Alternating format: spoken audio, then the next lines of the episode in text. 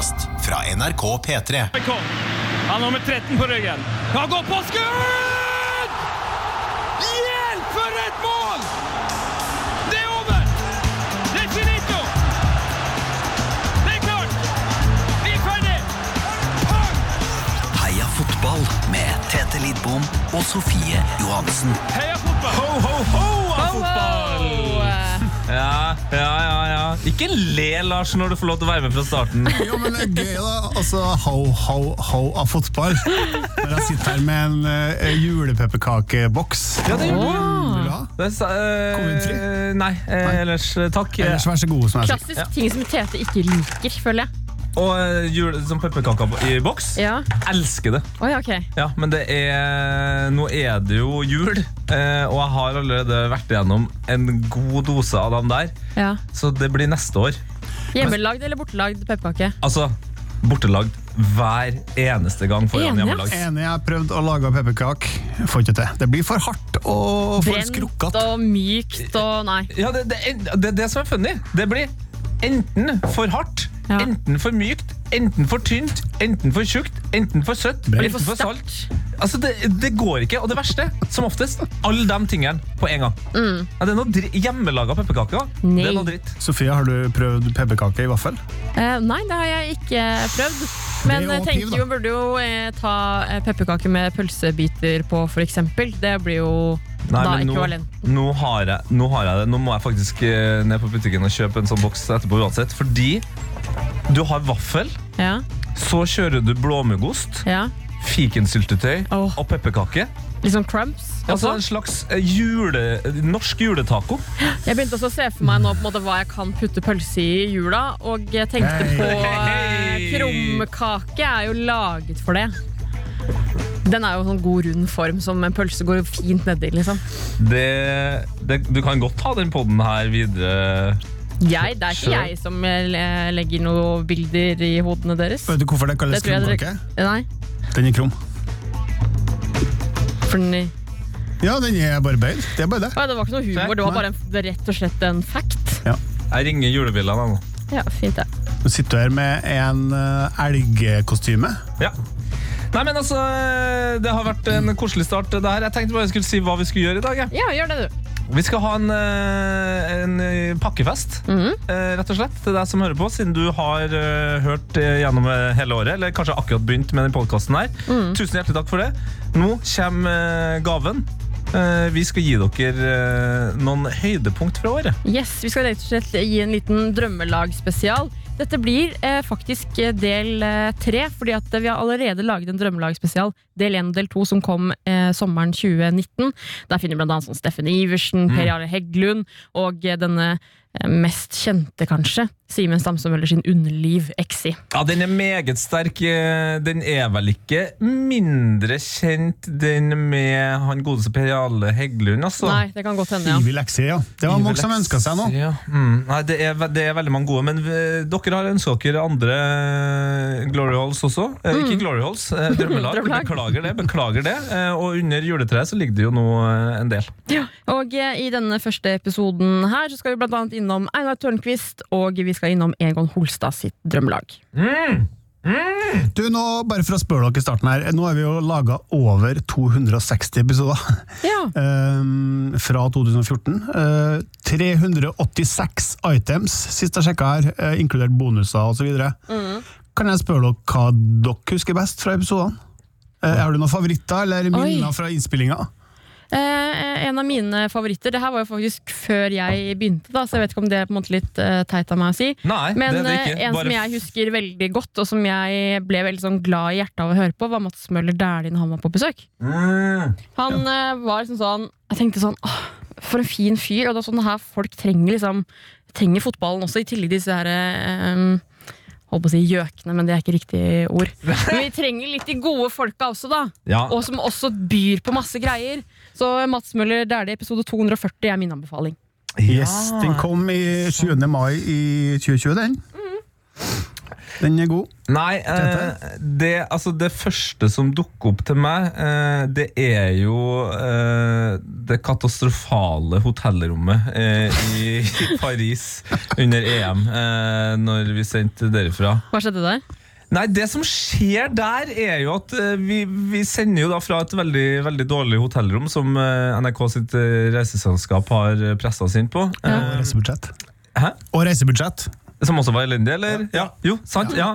Eh, og så sitter vi her og sender og snakker om at det, det lukter mu- muggsopp på hotellrommet, og at eh, vi har Det er veldig varmt, ikke sant? Det er jo Paris eh, midt på sommeren. Eh, Derfor så må vi ha alt av vinduer og sånt åpent. Men man trenger jo ikke å ha det åpent, for vi bor uansett ved et eh, søppelrom.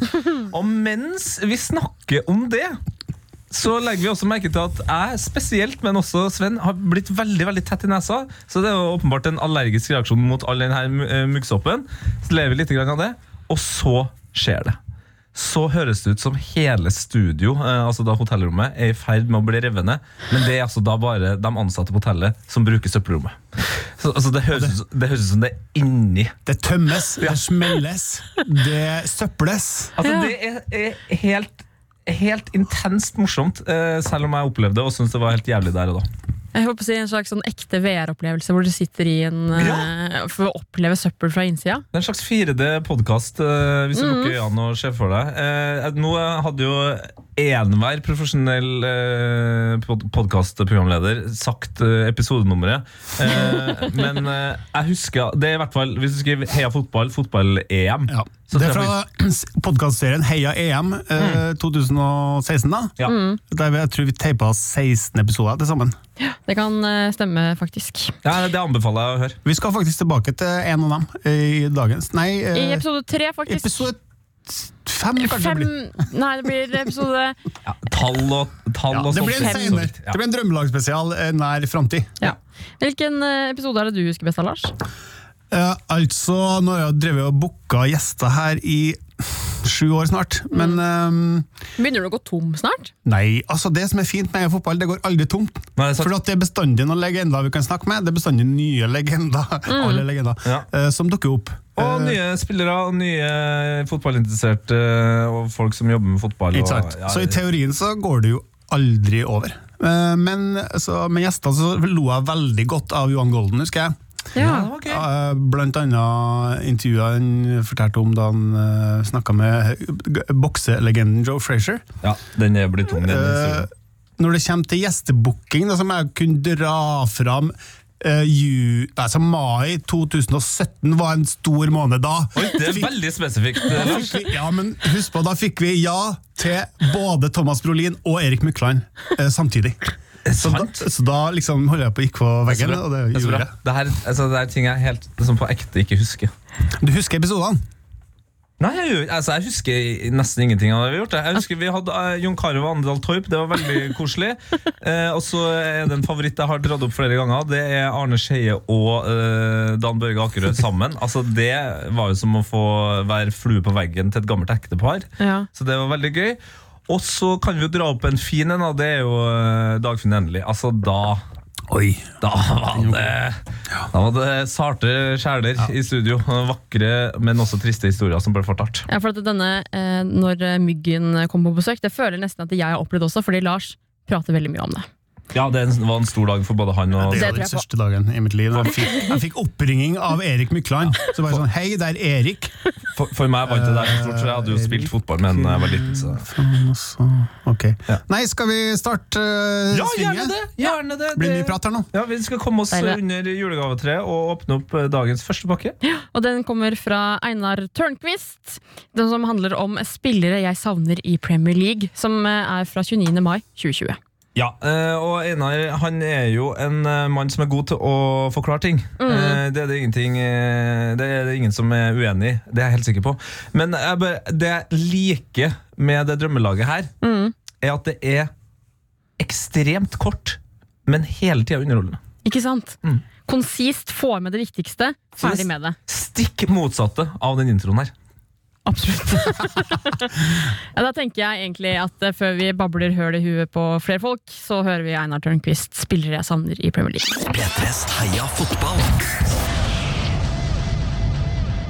Jeg har tatt med elleve spillere jeg har lyst til å ha tilbake i Premier League. jeg. Som ikke er i Premier League nå.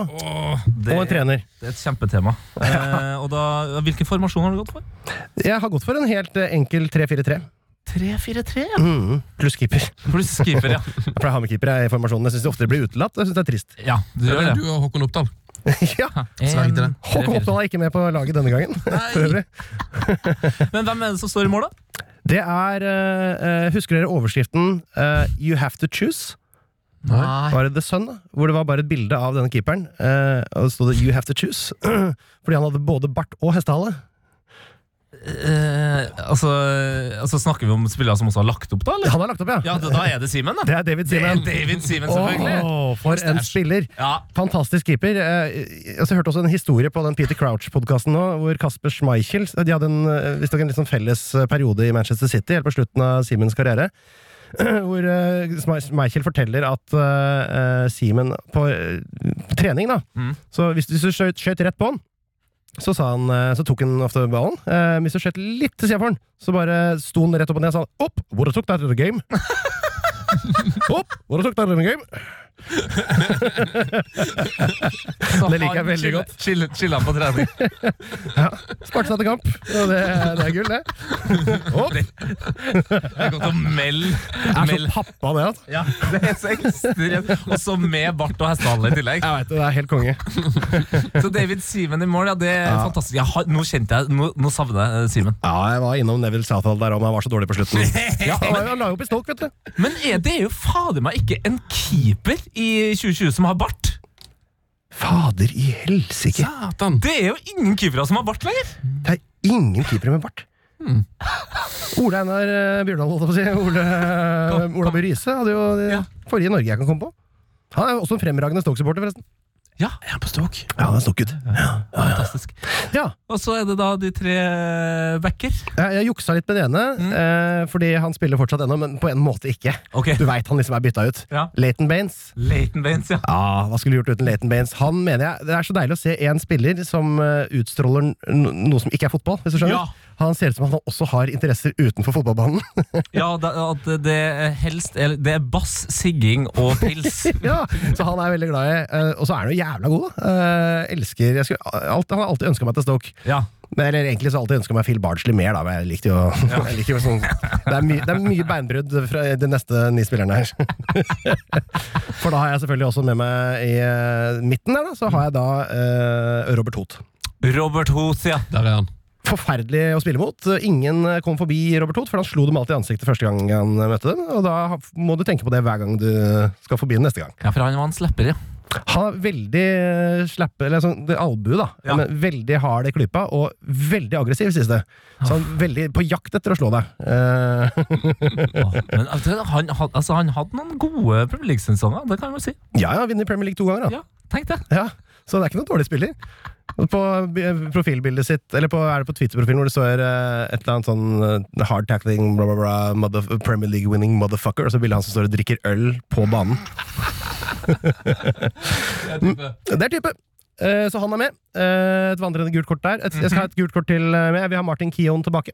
Martin Keon, The Unibrow. Ja, det er, Der er det spillere som ikke er opptatt av noe annet enn å få den ballen til helvete vekk og få dytta folk unna. Ja. Det er sånt, det, sånt savner jeg. Jeg vil ha mer sånt. Jeg syns fotballen er på vei til å bli for lite av sånt. Ja, også, eh, og Thomas Alsgaard lookalike. ja. Så må jeg bare skynde meg videre til midten her. Ja. For der har jeg min favorittspiller gjennom eh, tidene. Okay. Det er eh, Rory Delap. Rory! Det er, blir jo litt Stoke her, jeg må jo innrømme det. Ja. Det er jo så greit, for det er ingen, ingen Stoke-spillere som spiller i Premier League. men Han eh, er jo i trenerteamet til Stoke nå, men de, eh, de eh, innkasta som aldri var høyere enn 2,30 meter og 30 over bakken, og som gikk 40 meter på bakre stolpe, det er noe av det mest gledelige jeg har hatt å se på på en fotballbane noen gang. Åh, nydelig. Det er, ingen, det er ingen som har lært seg den teknikken. Nei. Og selv Liverpool de har jo egne innkasttrenere. og sånn, Det, ingen- det er ingen som kan kaste som Rory Delap. Det er helt utrolig. Så ah, hvis, ingen, hvis, hvis dere er unge dere som ser på dette her, og aldri har hørt om Rory Delap, så sjekk det på YouTube, for det Ja. ser helt rart ut. Det var vårt fremste angrepsvåpen i et par år. Joey Barton, Yes! kom tilbake! Kom I love love you, man. I love you, man. Kan jeg bare ha der inn og sigge litt i pausen og slå ned folk. Det er det jeg vil ha. Aldri kjedelig. Charlie Adam, Ja. Hvor gammel er Charlie Adam nå? 26. Still going strong. Still going strong. Nei, han er, eh, nå er han 34. Eh, det er ikke mer enn det, altså. Han fyller 35 den 10. desember. Ja. Ser ut som han er 60. Og han er yngre enn Ronaldo, er ikke det det som er den enorme eh, Jo, jo. fakta her? Jo, han er yngre enn Ronaldo, eh, men det ser liksom ikke sånn ut. Og som eh, eh, Paul Lambert pleide å si, he could hit a midget's dick from a mile away med venstrefoten sin. Noe Så mer det- britisk enn det blir det vel vanskelig å være. Så han har en god venstrefot, og kunne skåre fra hvor som helst, men gjorde det veldig sjelden. Jeg bare liker han. Det er alltid et rødt kort å få der. Ex-shirt-pulling, elbowing, bodychecking, Premier League-winning motherfucker. Det er Robert Hoot. ja. Og det er ikke noe dårlig bilde heller. Nei da, han drikker pils, og det blir en kjapp follow herifra. Han har fått en del påbang, han har fått en del sånne bøter og sånn på de tweetsa sine. Jeg kan forresten anbefale det var den gangen da Luis Suárez gråt fordi de hadde tapt en veldig avgjørende kamp som gjorde at de ikke vant Premier League. Hva var det, da? Det var mot Crystal Palace-kampen eller sånt med Liverpool. Ja, den, ja. eh, hvor Louis Suárez gikk gråtende av banen, og da, Ja, ja, ja. da tvitrer uh, Robert Huth uh, simultant at eh, jeg fremholder fremdeles at gråting på banen eh, bør gi tre kampers karantene. Å, det er vakkert. Det er vakkert. Det er så ufølsomt og fint. Jeg vil ha Yaya Touré tilbake til Premier League. Har du sett noen som løper så sakte, men ikke går an å stoppe med ball? Nei, ikke Det går så sakte framover. Har du sett noen som har så problemer med å gå, eh, men likevel er så god i fotball? Helt utrolig. Han er sånn kalvbeint, uh, altfor tung, uh, usexy fyr. Altså, kan alt! Så god i alt! Og den eh, frisparksesongen Ah, hans? Fytti helvete. Ja, ja. Yaya Touré, altså. Der har du spiller. Sånne lager de ikke mer. Nei, det gjør de ikke. Det er litt sånn typer på dette laget mitt, for å si det sånn. Eh, Peter Crouch. Trenger ikke forklare noe mer med det. Nei. Han er i spiss, han har fått plass på vingen her, eh, mitt, mitt lag, så det nå får han jobbe litt med. Fått plass på vingen, ja. Det er greit. Legge inn litt. Ganske god fot, har han ikke? Jo da. Og så har dere, har dere noen gang vært inne og sett alle måla til eh, Chelseas beste spiss, Tore André Flo, Ja. eh, på YouTube? Ja, ja, ja, ja, ja, ja, ja, ja. Ja, han skal på laget mitt, ass. Ja. For en sexy fotballspiller. Ja, det er altså så Det er så eh, poetisk, eh, hvis jeg skal være såpass eh, drøy å si det, altså. Ja, altså Han vil jeg også ha tilbake. Det er jo ikke til å tro hvor eh, Det, det satte jeg ikke nok pris på mens han spilte. Nei, det, det er sant, det. Ja, fy fader. Han sendte, sendte, sendte oss videre fra VM der òg. Helsike. Og så til slutt, den eh, eneste gentleman, eller den eh, Premier Leagues største gentleman, Humphrey Bogart. Og da snakker jeg om spiss. Elegant. Gentleman. Diego Costa! Diego Costa! Han må inn! Yeah! Han vil jeg se spytte på småunger, klype folk i balla, tuppe folk i kneskåla, og allikevel bare slippe unna med gult kort. Det er min favorittspiller eh, og spiss, eh, Diego Costa. Er det en fyr som har fyra opp Liverpool mer enn det, da? Nei, det skal nok godt gjøres, ja. Og så er det jo gøy å ha han og Charlie Adam eh, på samme lag. Det er to eh, gammelt utseende mennesker. Å, fy fader, ja. Det er gøy, altså. Og så er det veldig gøy. Har du sett et bilde der Diego Costa har tatt uh, selfie? Uh, Med broren? Med broren. Hvor broren ligner mer på Diego Costa enn Costa. Where's Waldo? Men dere lurer kanskje på hvem som skal trene dette laget? Eh, ja, Er det Helma Høl? Det er Neil Warnock. Takk for Neil meg! Warnock! Takk for meg! Tusen takk! Kom tilbake, Neil. Heia fotball! Det var eh, Einar Tørnquist sin spiller jeg savner i Premier League, det. Ja, det, okay. det var veldig. Eh, veldig artig. Og så er neste er faktisk sendt inn fra en eh, lytter. Erlend Solberg at Erlend Oi. Si det nå. Erlend Agronom. Yes. Ja, han, har lagt ved, ja, han har lagt ved arbeidstittelen sin der. Ja. Det er jo sterkt. Og han ønsker jo seg da eh, et drømmelag som må være en av de lengre drømmelagsgjennomgangene. Men det er jo en mann som er kjent for eh, sin eh, nordnorske rant. Eh, han skriver jo uh, hele tida. Eh, altså, altså, den mannen her er altså så produktiv. Det er selvfølgelig Egon Holstad sitt drømmelag vi snakker om her. Ja. Eh, er det noen av dere som husker noe fra, fra det drømmelaget her? Absolutt ikke. Jeg, Nei, ikke husker, sant? jeg husker en del, for at altså, Episoden det er snakk om er jo episode 109 da, fra 12. januar 2017. Anbefales eh, veldig hardt. Eh, eh, Egon her har jo hatt mange turer til forskjellig mesterskap. Der de har blogga, de har skrevet bøker, blant annet med mm, Joakim Førsund. Podkastlegenden. Eh, og eh, de forteller om, han forteller om at de kjøpte eh, svartebørsbilletter for til sammen 120 000, f.eks. Ja, var Fy fader.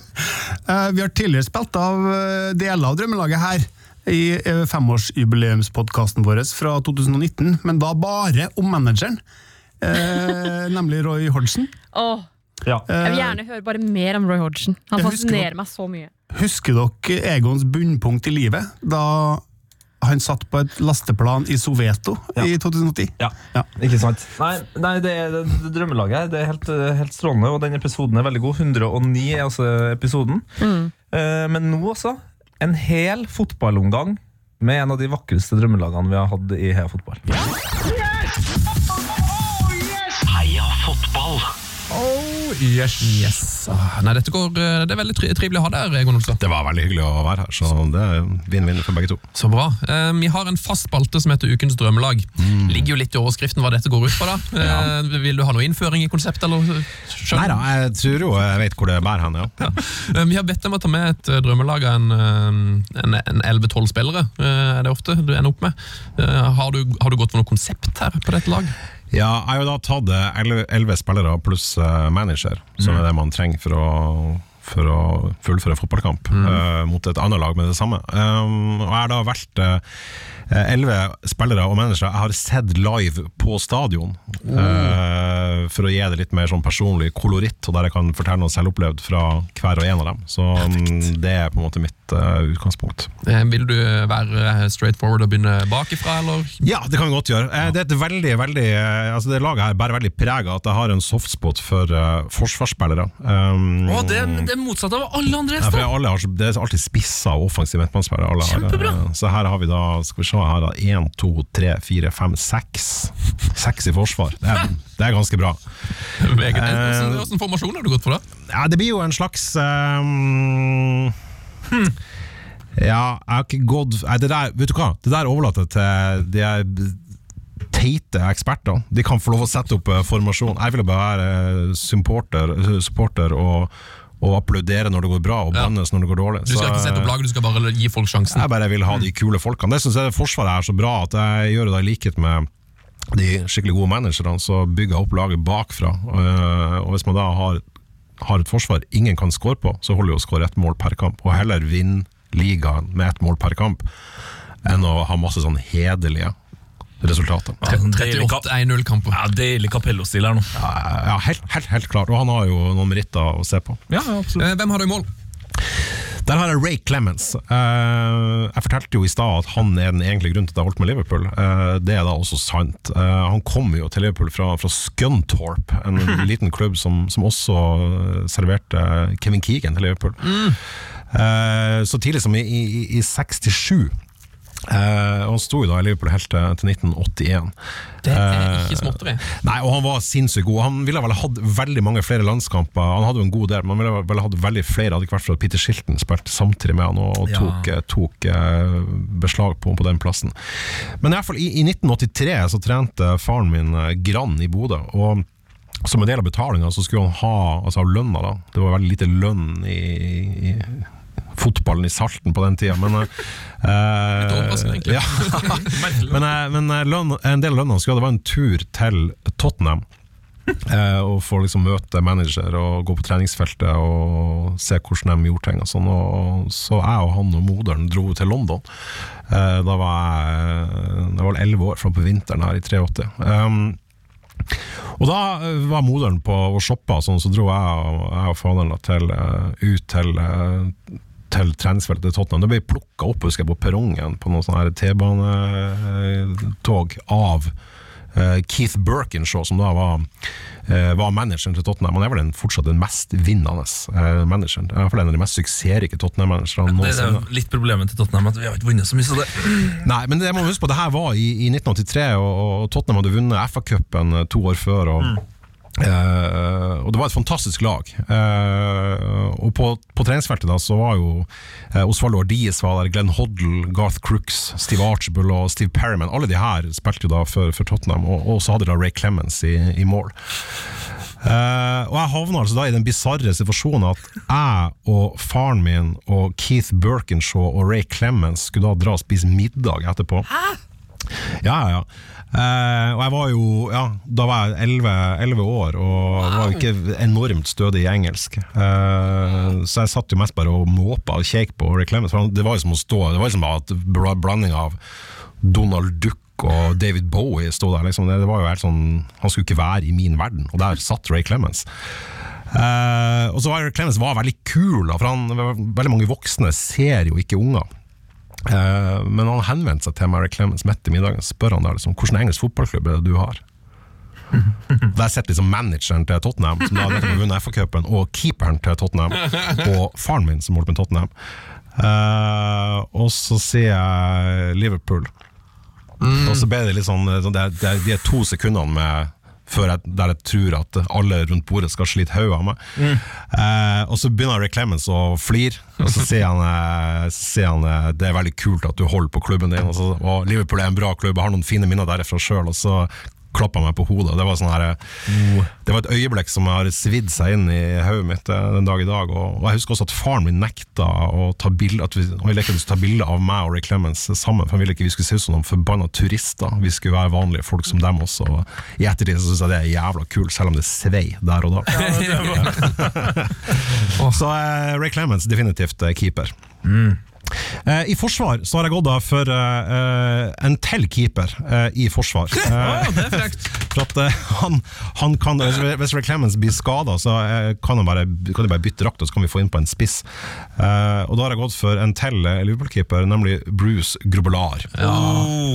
Eh, grunnen til at jeg valgte han, ville selvfølgelig kunne vært at han vant hva det var for noe. Han vant vel i hvert fall seks ligagull og tre FA-cuper, tror jeg, samt uh, Europacupen i 84, der han sto og skalv på føttene sine. Og millioner av hjerte vant han.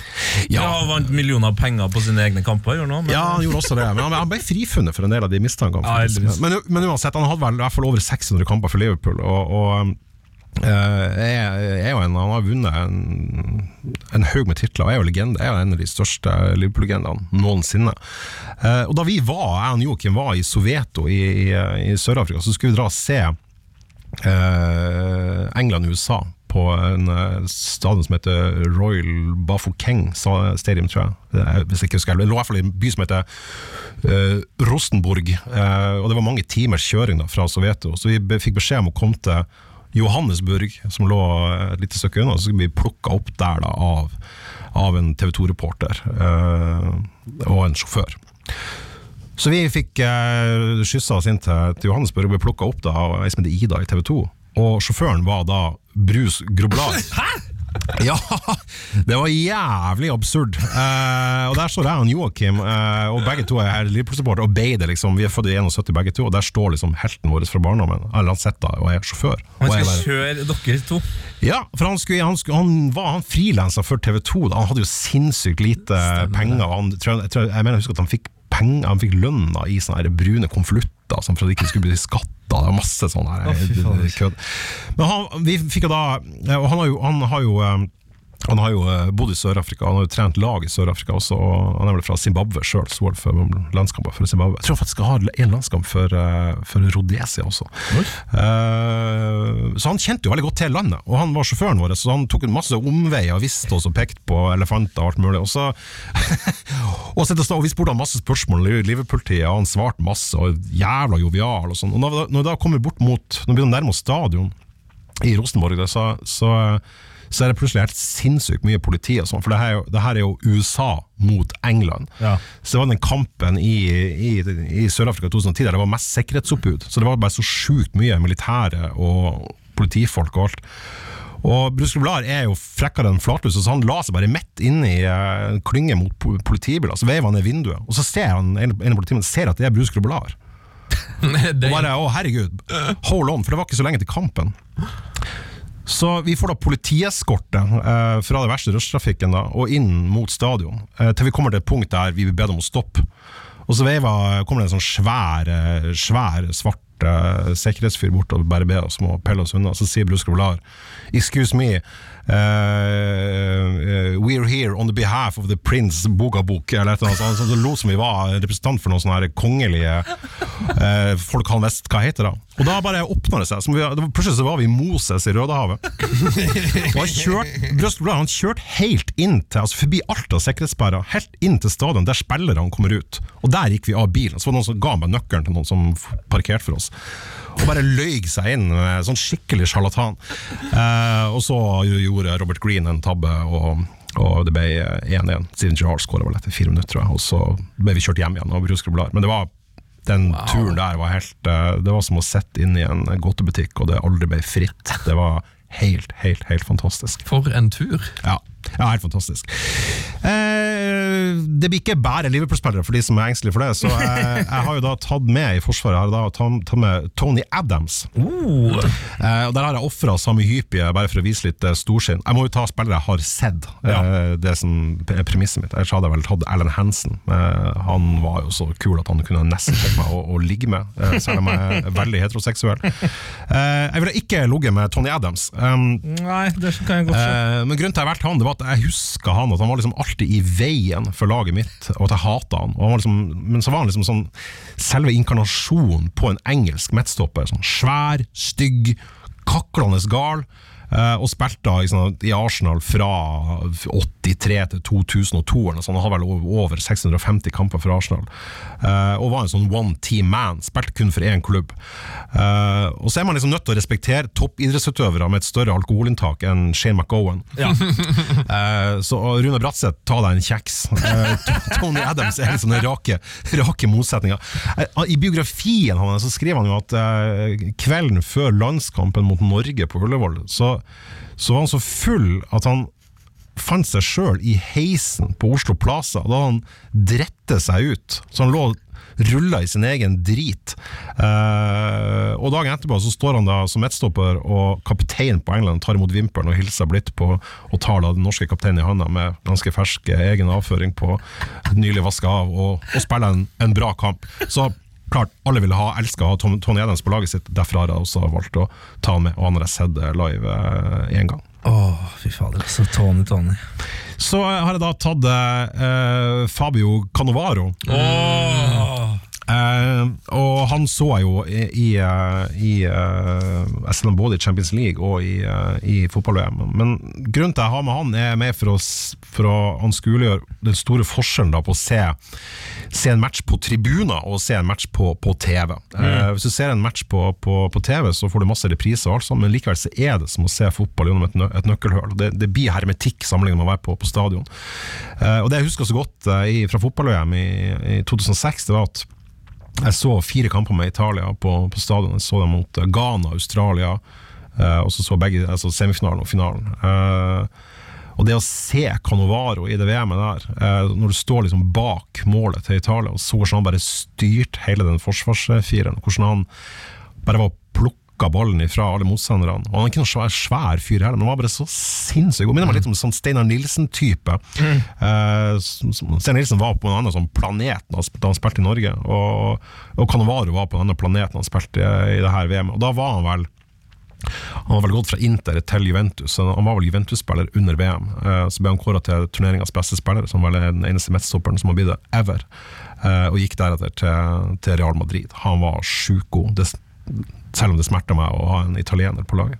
Altså, Han fikk jo Ballon d'Or og ble Fifas eh, beste spiller det året. Ja, Altså, sant. det, det er bare, det, at en forsvarsspiller liksom kjøre rent bord Ja, det er veldig kult uh, at det kan skje også. Så, så jeg har han med meg for å liksom dyrke min kjærlighet til, til midtstoppere, og, og også for å, for å fortelle folk at de må hute seg på, på stadion. Mm. En annen spiller som eh, jeg har med i Forsvaret, som er veldig sånn selvvalgt, eh, selvsagt, og som, som også var veldig annerledes å se live enn å se på TV, er, er Jamie Carragher. Eh, det er sikkert litt sånn kjedelig at jeg har med han. Han var jo visekaptein og spilte jo 737 kamper for Liverpool, eh, og jeg så han i, live da, i, i utallige kamper. Eh, men han er jo living legend, og, hadde ikke vært for at Steven Gerrard spilte i han hans samtid, så hadde nok han vært hadde en enda større glorie over seg enn han har, og den er allerede svær. Men han hadde liksom det var, sånn, det var liksom ikke noe bullshit med, med Carrigan. Han hadde svarte sko, han hadde strømpene ned for knærne, uh, han sutra aldri, han filma aldri. Eh, og så liker jeg jo den lille tvisten med at han egentlig var Everton-spiller og ble vraka fra juniorlaget til Everton. Er sant? Ja, ja. Gikk til Liverpool. Eh, da han la opp, så hadde han spilt 150 kamper i Europacupen for Liverpool. Eh, på det samme tidspunktet så hadde Everton Football Club totalt gjennom hele klubbens historie, siden 1890 eller hva det var for noe, spilt 74 kamper i Europa. Så han hadde altså dobbelt så mange kamper som klubben som vrakene hadde da han la opp. Eh, hovedgrunnen til at jeg har Carriager med, var at eh, jeg har ei stedatter som nå er 13 år. Uh, og hun er, er jo veldig glad i både Beatles og, og Liverpool, selvfølgelig. eh, som den kloke Som jenta hun er. Eh, og da hun fylte ti år, så tok jeg og kona hun med oss. Så dro vi til Liverpool, så var vi på Beatles-museet, og så dro, dro vi og så den aller aller siste kampen til Jimmy Carragher på, på The Cop. Uh, og vi sto da og sang uh, We All Dream of a Team of Carraghers på melodiene av Yellow Submarine. Mm. det øyeblikket der med stedattera mi og kona mi og The Cop og siste matchen til Carragher uh, var så sterkt at jeg kjenner at jeg sliter litt med underleppa. Her har jeg sett og, og snakka om det. Så Carragher har betydd fryktelig mye for meg, fryktelig glad i han. Og du visste alltid at med han på laget, så var det alltid muligheten for å vinne. Og når du så han på stadion, hvordan han kjefta og small og styrte hele laget, så skjønte du at det var den egentlige kapteinen. Hadde det ikke vært for Steven Gerrard, hadde han vært eh, sikkert kaptein på Liverpool i over 500 kamper.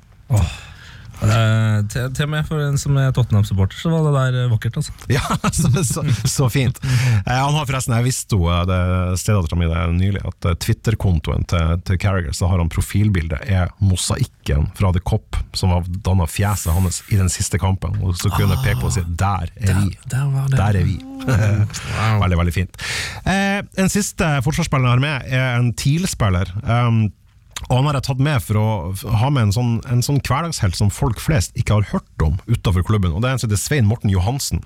Er ikke så mange som husker han, eh, bortsett fra de som var TIL-supportere på, på 90-tallet og tidlig 2000-tallet. Og Han spilte altså da 250 kamper for TIL, eller noe, ja, 250 pluss.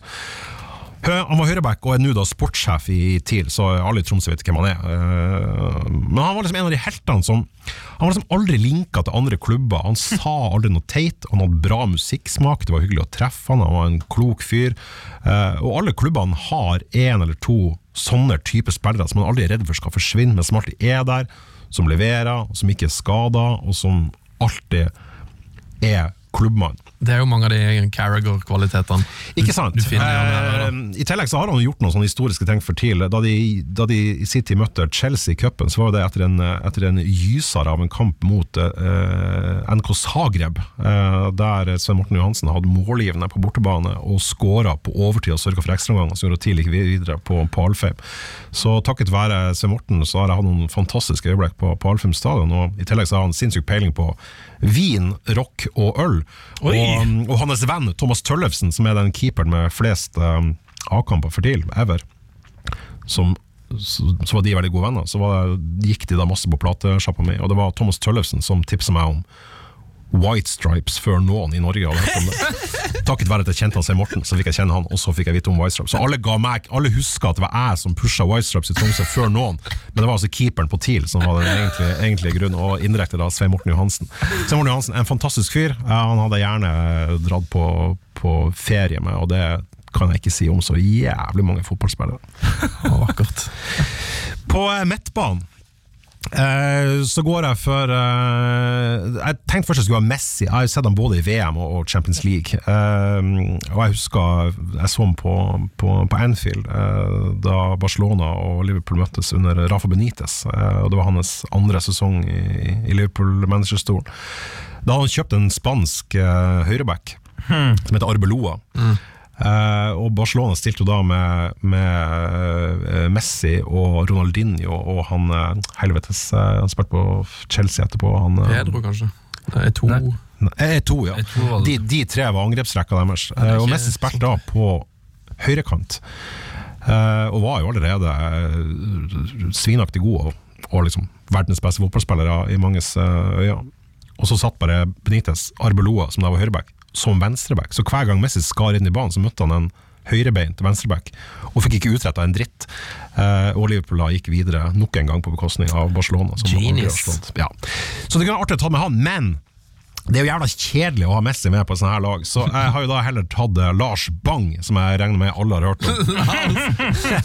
Lars Bang! ja, Yes. Lars Bang. Eh, offensiv midtbanespiller fra Fuskesprint.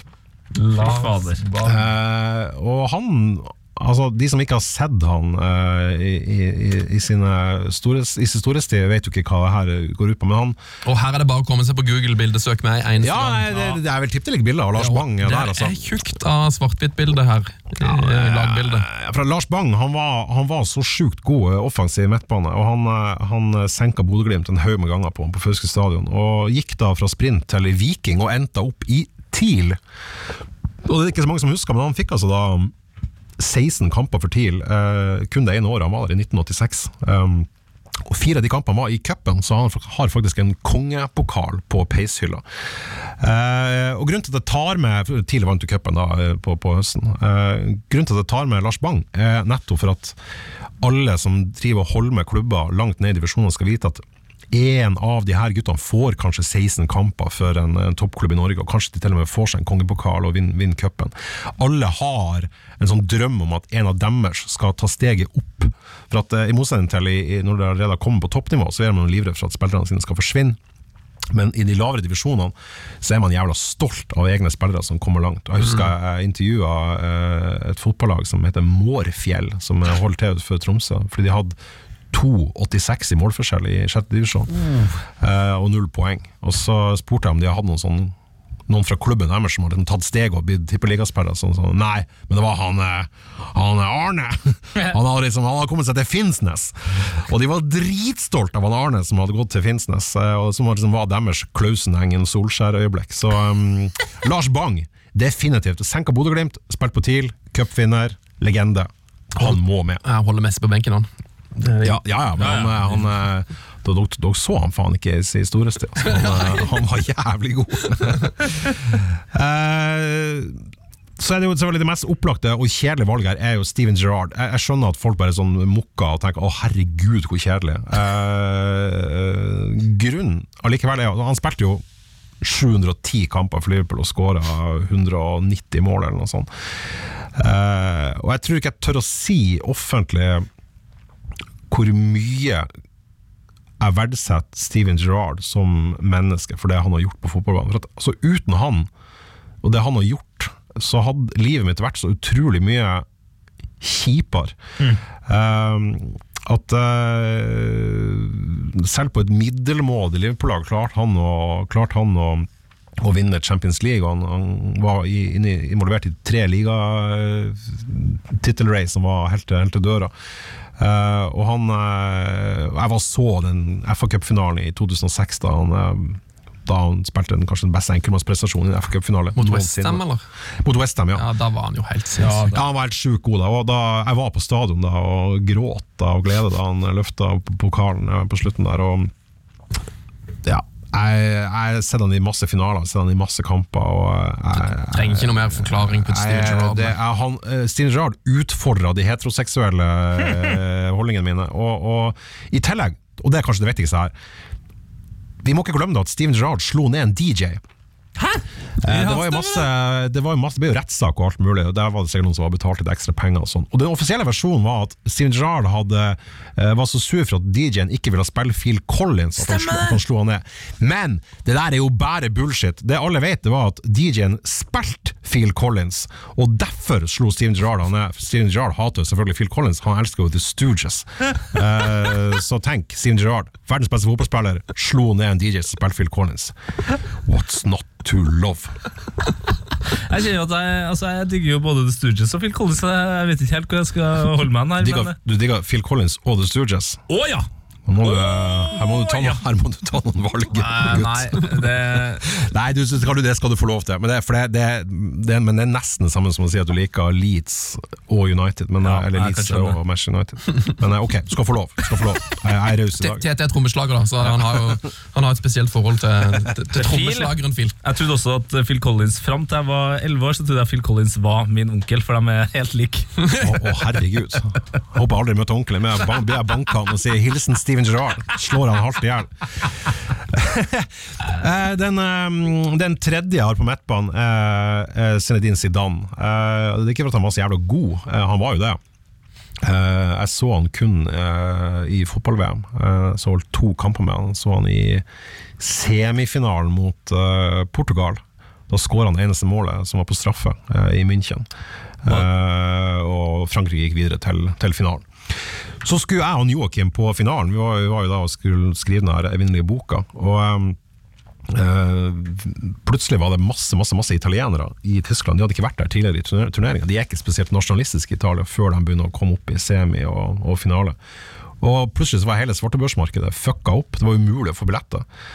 Uh, så vi dro veldig tidlig opp til stadionet i, i Berlin, til Olympiastadion. Og Eh, og svirra rundt, og det var ikke mulig å opptre billetter til, til fornuftig pris. Og vi til slutt ringte han Erling Kagge. Altså, vi, det er ikke, altså, det, de billigste billettene kosta 12 000 kroner per stykk.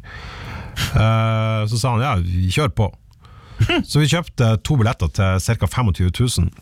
eh, på regninga til Kagge forlag. Og, og eh, når vi da kom inn på stadion, så var vi jo så jævla letta. Men da var det jo seks timer til kampen skulle begynne. Så vi satt på, sånn gress, på sånn, sånn gressplen eh, utenfor stadion og begynte å drikke øl. Og så var det jævlig varmt. Det var sånn hetebølge i Tyskland. Da. Og da kampen da, Jeg husker det da hun der Shakira begynte å spille, hun spilte på stadion. Vi orka ikke å se det her, eh, det her, seremoniopplegget, det verste som finnes i hele verden. Eh, Så Shakira begynte å synge det 'Hips Don't Lie'. Og Da skjønner vi at å faen, det er, liksom, eh, det er en halvtime, tre kvarter til kamp. Eh, og oppdaga plutselig da at vi er jo dritings. uh, og sliten, og hadde vært liksom i fem uker og kjørt eh, bobil og spist pølse og drukket øl. og var blitt så glad for vi kom inn at vi hadde glemt å holde igjen. Eh, og jeg har migrene, uh, som jeg får når jeg er veldig stressa. sånn, men det hadde vært så mye stress at jeg hadde ikke liksom fått tid å kjenne på det der engang. Og da kicka den inn. Uh, og det som skjer i mitt tilfelle, er at jeg får ikke så jævla vondt i hodet som de som er ordentlig plaga får. Jeg får bare, jeg mister synet. Så når de leser på lagoppstillinga, så er jeg da blind. Og dritings. Eh, og vi hadde fått en plass eh, på ene kortsida bak det ene målet, eh, så måtte gå i masse helvetes trapper. Og sånn, og det her er en stadion som ble bygd av Hitler. Eh, og jeg hadde da fire øl. det går an å bære to øl i hver hånd. Så jeg hadde fire øl som jeg bar opp i trappa, og tryna da i trappa til Hitler, for det var så svære trappetrinn. I trappa til. Hitler? Ja, i trappa til Hitler. Og um, flerra opp eh, kneet på buksa mi og silblødd ut av ene kneet. Uh, og kommer da opp til han Joakim med det ølet etter å fikk liksom rota meg frem. Jeg Så, eh, Migrenen fungerer sånn jeg ser ikke det jeg ser på, jeg ser bare det som er på sida. Mm. Så hvis jeg ser en av dere i ansiktet, så ser jeg bare ørene og håret deres. Så jeg drev og tryna opp gjennom trappa og blødde og, og var helt, helt, helt urovekkende drita. uh, og setter meg ned og skal se den kampen, uh, som er VM-finale. uh, og Frankrike spiller mot det, må, det målet vi står bak. Helt, helt, helt, helt helt øverst. Jeg hadde ikke klart å kaste en stein på målet fra der jeg sto engang.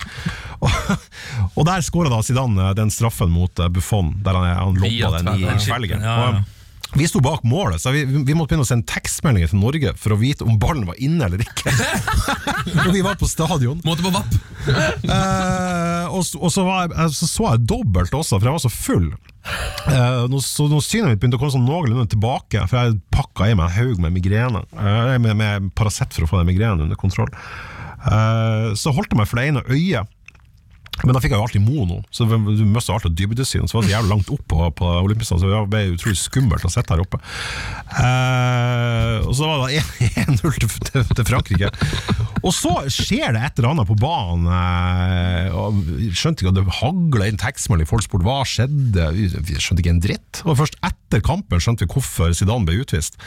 Så Eh, du fikk ikke med deg det? Nei, jeg var, der, altså, jeg var til stede der det mest omtalte øyeblikket i VMs historie skjedde, og jeg så det faen ikke, for jeg var så full og, han, og var blind. Så det er, jo, det er jo helt forferdelig. Men jeg så jo da den siste kampen til, til Zidane, og, um, derfor, og jeg betalte uh, 12 000 kroner for det. Så, eller Erling Kagge gjorde det. Så jeg syns han fortjente en plass på, på laget. Og dessuten, herregud, for en, eh, for en spiller. For en spiller, og for en gærning. Og for en stor, ja. Veldig, veldig, veldig, veldig, veldig, historie. galt. Men jeg var der, men jeg så det ikke. Um, ja, og så I angrep da, så eh, har jeg tatt eh, Ronaldo. Ja. Og da tenker alle, nei, Cristiano Ronaldo han er så kjip, han filmer, han er en, han er en dritt, han er selvsentrert og bla bla. Selvfølgelig er han det, det er jo selvfølgelig ikke han Ronaldo er med, jeg har med the real Ronaldo. Fenomenet. Brasilianeren Ronaldo. Um, jeg har jo sett begge Ronaldoene live, uh, både i VM og, uh, og, og i Champions League og i Premier League har vi sett Cristiano Ronaldo. Uh, men det er jo den brasilianeren jeg har tatt. Vi, vi må liksom ikke glemme hvor sjukt god han faktisk var. Eh, og I 2006 så ble Ronaldo tatt med helt sånn etter siste laguttak. eh, Egentlig stikk i strid med hva, hva treneren har lyst til. Eh, for det var nærmest et sånn folkekrav at han skulle spille VM. Eh, og vi så da Brasil mot Australia, der skåra han ett mål. Og så så vi han mot Ghana i åttendelsfinalen, der han skåra et helt vanvittig bra mål, så alene med keeper. Årstegsfinte, klassisk Ronaldo. Og det var da det som da var VM-rekorden eh, noensinne. Han slo Gert Müller sin rekord der og da. Um, og det hadde vært masse sånn at han var for tjukk og, og og, en så utrent tjukkas har ingenting på Brasil å gjøre. Men han sendte ham videre til eh, kvartfinalen. og det jeg husker jeg tenkte var sånn Hvem faen bryr seg om han ser pikken sin når han dusjer, så lenge han scorer og tar rekorder? eh, så han var tjukk, ja, men han var jævlig god, og jeg digga Ronaldo. Og både perioden hans i, i Barcelona, Inter og, og Real Madrid var, da var han på et sånt nivå som ikke ligner grisen. Og de unge som hører på, ta og søk opp et YouTube-klipp og skrive, skrive Ronaldo Brasil. Ja. Eh, det ligger også noen, Han spilte jo i PSV, der skåra han ett mål per kamp i de to årene han var der. Ja, han, har, han, har noen, noe, han har noe overstegsfinter i Inter spesielt. der, Altså det, Ja. sånn, altså han kunne ha veid 300 kilo, han tar fortsatt overstegsfinter Ja, fortere jeg tror det. Han var, alle fotballspillere. ja, han var helt sjukt rask også. Eh, og, og en vanvittig kul eh, sånn spillertype. Altså. Han var bare sånn der, jeg digga, jeg digga han. Og når han der jævlige slimtassen kom fra United til, til Real Madrid som også heter Ronaldo, så forlangte, jo, så forlangte jo han å bare ha Ronaldo på ryggen og ikke se Ronaldo, for han skulle liksom være Ronaldo. Og Men da har du skjønt så fuckings lite. Så fuck you, eh, Cristiano. Som, som eller hvis, hvis, eh, hvis eh, navnet er oppkalt etter Ronald Reagan. Det stemmer, Ja. på en prikk. Ja, så, Favorittskuespilleren til faren til Christian. Ja, men Det er på en måte egentlig det som gjør den eh, så brasiliansk som mulig. For det, det der elsker jo brasilianere. De oppkaller jo hele tida eh, barna sine etter liksom popstjerner og politikere. Ja, ja, det er Creedence Clearwater. Ja, eh, ja, de er helt. Ja, altså Stedattera mi er jo 13 år. Eh, Jeg ble kjent med henne da hun var 7. Eh, og nå heter hun Iggy. så jeg hun har da tatt Jeg da endra navnet hennes til, til Iggy, av av samme grunn. Eh, Nei, du men, jeg, kan, jeg kan jo ikke si navnet hennes på, på, Nei, på radio. nei, Det er mer- mer- mer-. Men uh, har, du har plass til bare én spiste, eller? Ja, Uh, og da, det syns kanskje folk også er litt sånn kjedelig valg, men det er, det er ikke kjedelig, jeg lover det. Så gir jeg meg bare et par minutter her. Det er da Sigurd Rushfeldt. eh, eller, eller, eller, eller Rusfeldt, som eh, noen sier. Eh, Sigurd Rushfeldt var eh, var så god at eh, det var teit. Eh, han, eh, han er vel kanskje mest kjent for to ting. Altså, en er jo perioden hans i Rosenborg, han skåra 66 mål på 67 eh, seriekamper, eller noe sånt. Så bra, det. Eh, ja, som er helt ellevilt. Eh, og det at han tok eh, den skåringsrekorden i, i norsk eh, toppdivisjon med, med 172 mål. Eh, en rekord som for øvrig aldri kommer til å bli slått. Uh, av den enkle grunn at neste gang noen er så god som han, så kommer de til å spille mest i utlandet og ikke rekke å skåre så mange mål i Norge. Um, personlig, min, altså min grunn til at jeg tatt med han her, er jo det at, selvfølgelig at han var jævlig god. Jeg husker da han kom til TIL og var kjempeung uh, og helt vanvittig god, uh, men hovedårsaken er 27.10.1996. Uh, det er ikke noe jeg har slått opp på Wikipedia, eh, det er noe jeg vet, for det var min 25-årsdag. mm. og da spilte TIL cupfinale mot Bodø-Glimt. Å, ja, ok. Eh, og da var jeg da som TIL-supporter fra Fauske, født i 71, så tror jeg jeg, jeg holdt jo med TIL mye mer enn hele Tromsøs befolkning til sammen. Uh, og Sigurd Rushfeldt skåra da Eller først hensa Runar Berg inn. Uh, han hensa ballen og ga målgivende sånn det ble 1-0 til Glimt, og så skåra da eh, TIL igjen, og så på overtid, da, så eh, Eller nesten på overtid, så oppheva eh, Sigurd Rushfeldt de fysiske lovene. Han ropte bare 'fuck Isaac Newton', hang i lufta i flere minutter og stanga inn Det var den siste ballberøringa av den matchen. Tidligere var den 2-1, og matchvinneren var han som oppheva de fysiske lovene, Sigurd Rushfeldt. Det var kanskje det største, største kicket mitt i norsk fotball ever. Det som var morsomt, da var at jeg, jeg, var ikke i Oslo så den kampen, jeg var hjemme. Eh, så jeg dro ut på Blårock, et utested i Tromsø. Jeg var med og, og drev i masse år. Og Da viste det på storskjerm. Eh, og da han Sigurd skåra vinnermålet, så hoppa jeg eh, med, altså Jeg hadde mer spenst i meg enn jeg trodde. Jeg var blitt ganske mye mer kvapsete enn jeg var da jeg spilte fotball. Men jeg, jeg fløy da, jeg flaksa over et sånt gelender, og så tryna jeg med hodet inn i veggen. Så jeg fikk en sånn Donald-kul i hodet som jeg hadde i mange uker etterpå. En nydelig, deilig påminnelse om det som har skjedd. Pluss at jeg fikk en lyskestrekk, så jeg halta i en måned etterpå. Så den siste idrettsskaden jeg fikk, er Sigurd Rushfeldt sin og sin, skyld, og jeg elska det. Uh, I tillegg benytta jeg da anledninga til å minne folk på om at Sigurd Rushfeldt er veldig veldig, veldig, veldig upålitelig. Han ville jeg ikke hatt med meg i en båt. Han var altså da Liverpool-supporter i masse år, og bytta i voksen alder til Chelsea. Nei, jeg, La oss ikke glemme det. Jeg intervjua han, i, han i, eh, i avisa om det her, eh, og han sa jo etterpå at det er noe han angrer mest på. Det var at han sto frem med det der, for han fikk jo så mye pepper for det. Men hva, hva var grunnen til at han bytta, da? Eh, Grunnen var ganske velfundert, eh, selv om denne avgjørelsen er irrasjonell. Men det var det at han, han hadde møtt Liverpool flere ganger, flere ganger i sånn, i, som vennskapskamper, både med landslaget og med, med TIL. Eh, og med Rosenborg òg, tror jeg. Og de hadde vært så jævla dårlige! så, så han bytta da til, til Chelsea. Og jeg husker da Chelsea slo Liverpool i, i FA Cup-finalen, så fikk jeg sånn mobbemelding fra Sigurd Rusfeldt. Jeg ble, jævla provosert. Jeg fikk, jeg fikk lyst til å gå, gå og gi han juling, men det, det, det, det gjør man ikke. Nei, jeg hadde jo fått juling av Sigurd. Han er jo, jeg, jeg tror jo fortsatt han er Norges beste spiss, og jeg mener fortsatt at TIL burde ha brukt han. Han har kommet til å skåre 15 mål i sesongen. Ja, faen, men, altså, eh, så Landslaget burde bare kjøre alternert uh, Rushfeldt og Johnsen på topp, så hadde du faktisk Ja, eh, vunnet noen kamper. Ja, ja. Og så er det et eller annet kult med sånn fyr som kommer fra, fra Vadsø, og som, som ender opp med å spille i et fotball-VM i, i Mexico. Det er, noe sånn, det er noe kult med det. Og han spilte jo på kanskje det beste Rosenborg-laget man har sett. Og da var, jo, Rosenborg så god også at han trengte ikke å gjøre noe defensivt. Han sto bare på topp der og peisa inn mål. Men jeg husker best med Sigurd, det alle de dritkampene TIL hadde mot sånn Kongsvinger og sånn, og i, i høstsnø og i det 86. minutt på 0-0, liksom, så river han seg løs fra to for- forspillere og dunker ballen inn. Og så, så TIL vinner 1-0. Og, og, og ikke minst det at han, eh, at han kom tilbake til, til Tromsø mens han fortsatt var god. eh, I tospann med, med, med Ole Martin Årst, som også er en jeg ville ha vurdert å ha langt, langt, langt opp på lista. Nydelig. Nydelig. Da har vi da kommet til, til manager, eh, og da har jeg valgt eh, Roy Hodgson. Oi! altså, hva det som gjør at eh, Hvis han blir landslagstrener, så skal du eh, da legge ned ditt, eh, din landslagsinteresse? Nei, det er mer for å bruke anledninga til å fortelle noe, noe selvopplevd med, med Roy Holsen. Som jeg, jeg snakka i stad om mitt absolutte toppunkt i livet.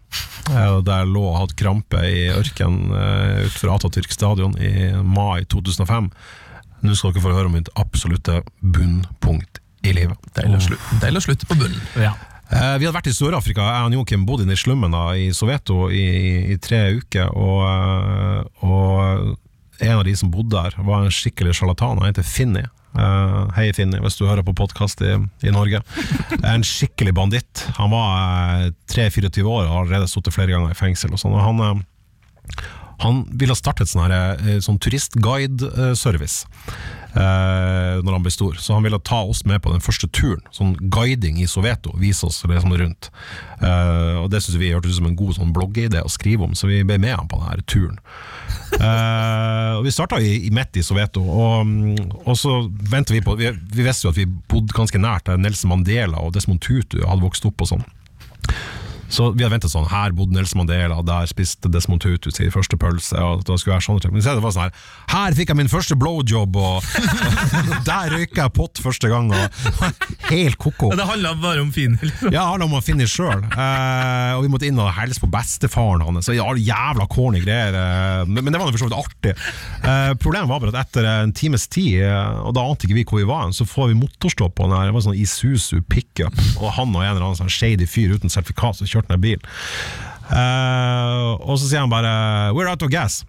Ja, så sier jeg, du, har, du har du ikke bensin? Du kan ikke starte ned turistfirmaet ditt uten bensin.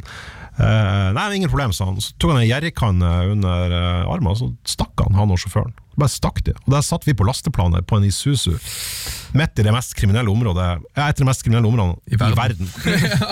Eh, og i løpet av de tre ukene vi var i, i, i Soveto, så så jeg eh, tre hvite mennesker. Eh, og det var de to TV 2-reporterne og han Joakim. Eh, og jeg da, som er sånn 1,85 og har eh, lys hud og kritthvitt hår, det som er igjen av det i hvert fall, kritthvitt, ser jo ut som en alien der inne i, i Soveto. Og vi ser på lasteplanet her, og så begynner det å komme en del sånne, her, eh, sånn livstrøtte ungdommer mot oss. eh, Svarte, livstrøtte, desillusjonerte, sure, misfornøyde ungdommer. Og de har, noen av de har eh, pistol, og noen har maskingevær. Og, oh ja, det er, det er vanlig å komme. Eh, Ja, og kniver og sånn, og de begynner å gå mot oss. Vi er, de er da 40-50 meter unna, så kommer det ut ei sånn gammel kjerring eh, og roper til oss liksom Boys, boys, boys, white boys, white boys, you have to run, you have to hide. Eh, vi hadde jo faen ikke noe plass å rømme, vi ante jo ikke hvor vi var hen. Eh, uansett himmelretning så ville vi jo sprenge inn i akkurat samme område, for vi var jo midt inne i kjerna av Soveto. Eh, så vi bare resignerte. Vi, var, vi var bare satt bare og var livredd og skrekkslagen på det lasteplanet. Og de eh, og de her bevæpna ungdommene, det gjeng, det er sånn gjeng, gjenger, for de drev og krangla og skjøt på hverandre hele tida. De kommer nærmere og nærmere nærmere oss. Sånn, helt sånn dårlig B-filmscene, egentlig. Uh, og vi ser de står og strirøyker sånne svære sånne reggae-marihuana-jointer. ja, det var så jævla mørkt! Uh, og jeg hadde nettopp lest at sånn året før så var det så var det det var vel 11 000 mennesker som ble drept i Johannesburg, ja, med ran og sånn. Og der satt vi, på det lasteplanet. Eh, og så sitter jeg bare, vi bare sitter og ser ned, for ikke å påkalle oss noe oppmerksomhet. Men oppmerksomheten var jo gigantisk. Det satt jo en diger, hvit mann på som har vært årsaken til apartheid. Du hadde en relativt sånn apartheid-aktig sveis. eh, Ja, tida, ja, jeg hadde jo Jeg var skinna på siden og så jo helt gal ut, syns synes sikkert dem. Og eh, jeg var jo på en måte inkarnasjon av problemet i landet deres. Um, og jeg kunne ikke liksom rope ut at Nelson Mandela var Uh, var Tromsø-venn, og Desmond Tutu var æresdoktor på universitetet. Så De hadde bare blitt provos gjort provosert, de hadde ikke trodd på det. Uh, så vi bare bestemte oss for å se ned, og ikke gjøre noen ting. Og bare tenke at det er for, og håpe at han finner kommer med den fuckings uh, jerrykanna. Uh, og når vi sitter der og vi begynner å kjenne, begynner å kjenne lukta av marihuana fra de folkene, for de kommer så nært oss, så tikka det inn en tekstmelding på, på telefonen til Joakim, og så sier han Roy Hodgson har blitt manager i Liverpool.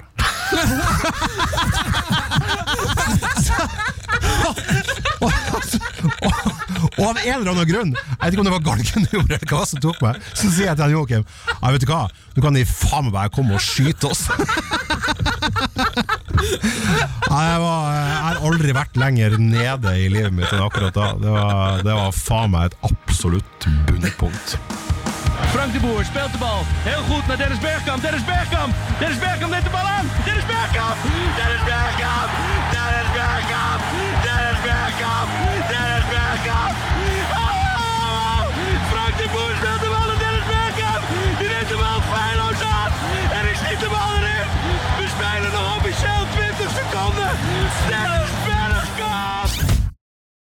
P3s Heia fotball. Hør i appen NRK Radio. P3.